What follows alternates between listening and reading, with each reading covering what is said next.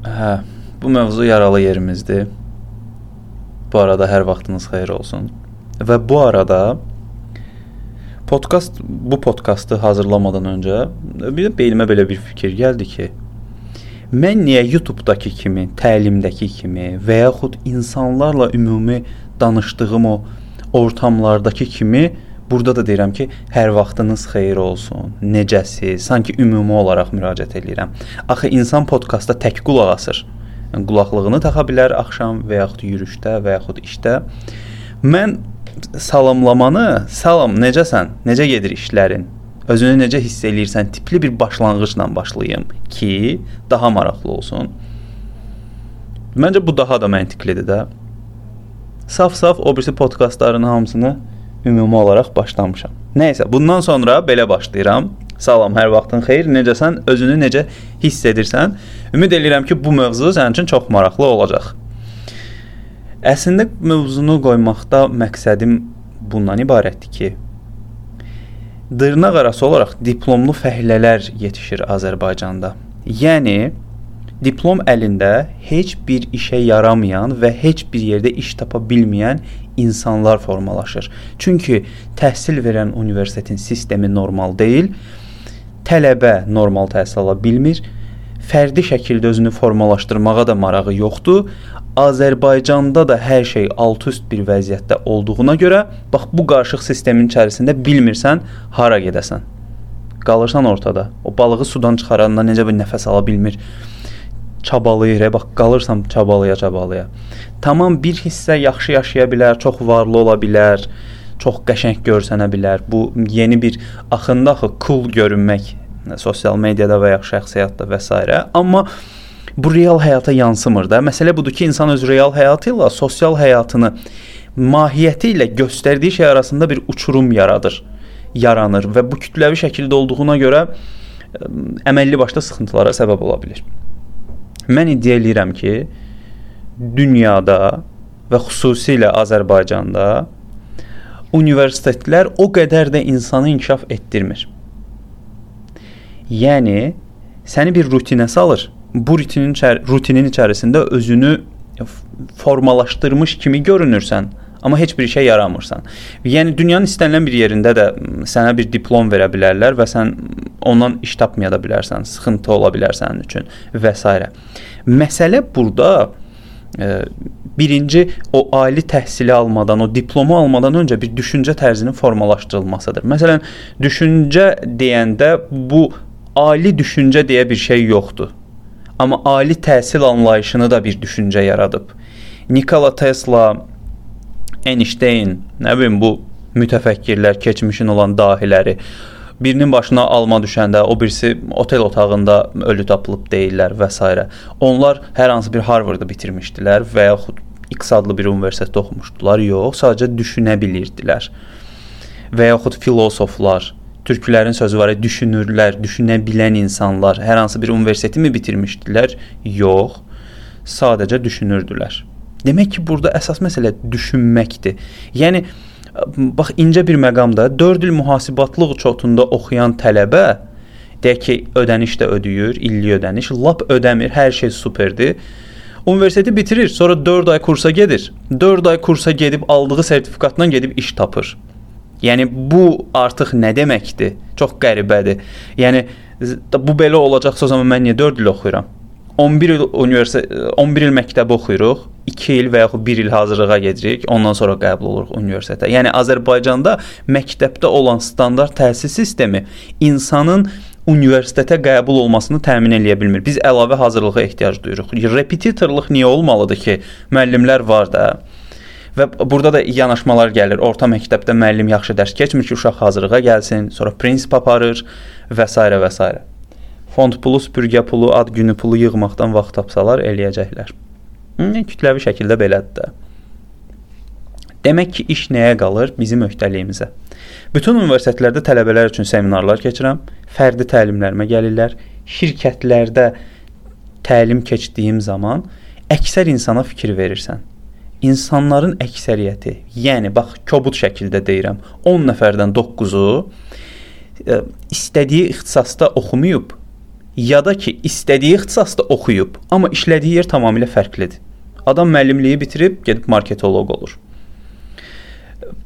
Nümunə olaraq. Bax bu bir uçurumun yaranmasıdır. Yəni davamlı olaraq müəllim, müəllim, müəllim, müəllim yetişdirmək nəyə lazımdır? Müəllimlər hamısı qalırlar çöldə. E, yəni və yaxud davamlı neft mühəndisi, neft mühəndisi yetişdirmək. Tamam, bir yerdən sonra qalacaqsan çöldə də yoxdur axı. Amma kimya mühəndisi lazımdır. Yəni alternativ sahələrdə yetişmək daha effektivdir. Ki biz buna diqqət eləmirik. Bu da bizim beynimizdə olan o standart ixtisas düşüncəsidir. Əvvəl necə idi? Qız müəllim olmalıdır, hüquqşünas ola bilər, həkim ola bilər, oğlan da maliyyəçi olsa, hüquqşünas olsa daha yaxşı olacaq.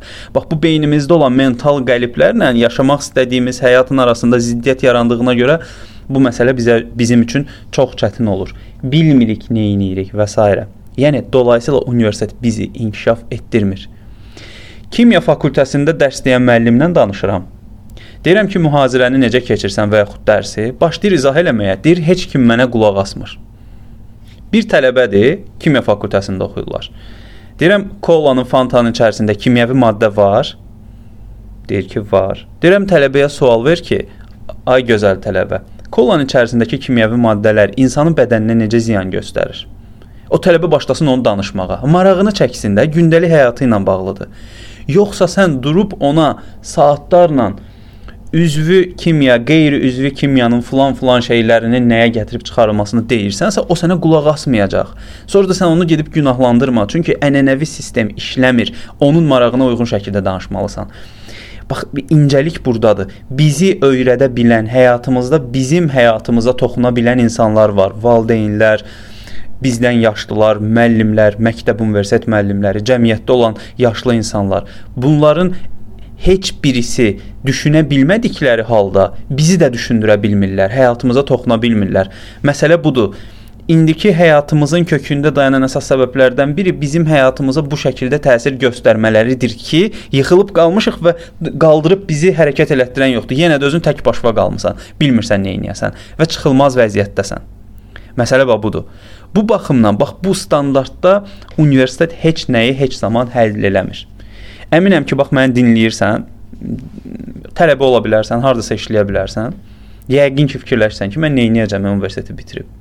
Oğlan çıxır gedir əsgərliyə, xanım iş tapmağa çalışır və yaxud Yəni bəlkə də yeganə bizim ölkədədir də universiteti bitirəndən sonra evdə düşünürlər ki, uşağı hara düzəldək? Görəsən kimi tapaq düzəldək. Bəlkə bu niyə oxuyurdu? Kiminsə gözünə soxmaq üçün o diplomu ki, bax mənim uşağım oxuyub. Heç bir işə yaramır. Yəni 4 il ərzində hər şeyi yola verib fırladırsan, heç bir işə yaramır e, və həqiqətən universitet vaxt itkisi olur. Həqiqətən. İndi özümə sual verirəm ki, e, yenidən olsaydın oxuyardın universiteti. Həqiqətən deyirəm oxumazdım. Çünki bax mən bu dəqiqə onlayn kurslar götürürəm, offlayn kurslar. Düşünürəm xaricə gedib ixtisas artırma kursları keçim. Mənim 6 aylıq götürdüyüm kurs, onlayn 3 aylıq götürdüyüm kurs universitetdə keçirilən bir çox dərslərdən daha ön plandadır. Məsələ budur. Çünki universitetin içərisində bir araşdırma yeri, düşünmək üçün lazım olan bir yer yoxdur. Görsən bayaqdan deyirəm düşünmək, düşünmək. Həqiqətən önəmlidir. Düşünmək dediyim şey artıq get bunu öyrən, gəl sənə o de sənə qiymət yazacağam deyila, özüm düşünüm, özüm yaradım, sorğuluyum, analiz eləyim, müşahidələrim, araşdırmalarım artsın. Çünki düşünə bildiyimiz zaman nəsə istehsal eləyirik. 1400-1500 qramlıq beynimiz var, o ətdir. Həmin ət bizi düşündürmək üçün istifadə olunur. Çox adamda o istifadə olunmayanda sadəcə ət olaraq qalır da. Olursan ət baş sözün həqiqi mənasında. Və bu alınmır. Uzun sözün qısası bu podkastda dərdim nədir? Yəni universitetə güvənim, əlimdə diplomum olsun, hər şey eləyəcəm düşünürsənsə, çox təəssüf ki, yaxın ən azı 5 il ərzində belə bir şey mümkün deyil. Nə etməlisən? Özünü təkmilləşdirməlisən. E, birinci detal soft skills. Buna bizim dildə yumşaq bacarıqlar deyirlər. Bu ifadəni xoşlamasam da, amma belədir də tərcüməsi. Yəni özünü ifadə, təsir etmə, inandırma, təqdimat bacarığı və s bu mütləq şəkildə birinci yerdə durur. Daha sonra gəlir sənin digər bacarıqların: araşdırma, müşahidə, analiz, nəticə çıxarma. Bu bacarıqları formalaşdırmaq önəmlidir və daha sonra trenddə nələr var? mən maddi olaraq nələr əldə edə bilərəm, mənəvi olaraq nələr əldə edə bilərəm. Yəni bu ikisinin balansını tutduğumuz zaman Ola bilər sevmədiyin ixtisasda oxuyursan, ola bilər təsadüfən düşmüsən, ola bilər sevdiyin ixtisasda amma özünü tapa bilmirsən və s. Amma bu dediyim şeylər olan zaman artıq özündə bir irəliləyiş görürsən ki, hə, nəsə eləmək olar. Məsələ budur. İncəlik budur. Dolayısıyla çox da universitetə qalıb məni belə eləyəcəklər, elə eləyəcəklər məsələsinə hmm, fokuslanmayın, çünki olmayacaq. Bayaq da dediyim kimi də dünyada da əksər hallarda belə bir şeylər baş verir. Sadəcə normal ölkələrdə normal sistemlər olur. Bizdə biraz çox da normal deyil sistem. Biraz yox, ümumiyyətlə normal deyil deyə baş ayaqdır da hər şey və qalırsan belə, ümid qalır özümüzə. Ona görə məsələyə individual yanaşıb özünü formalaşdırmalısan. Yoxsa universitetin öhdəliyinə qalsan baş ayaq oldun. Nəysə, belə pessimist notlarla bitirmək istəmirəm. Ümid eləyirəm ki, fikirlərimi izah eləyə bildim. Suallarınız olsa mənə sosial mediadan yaza bilərsən. Gördünüz yenə də ümumi olaraq suallarınız olsa dedim. Çox sağ ol dinlədiyinə görə təşəkkür edirəm. Növbəti podkastlarda görüşərik. Özünə yaxşı bax.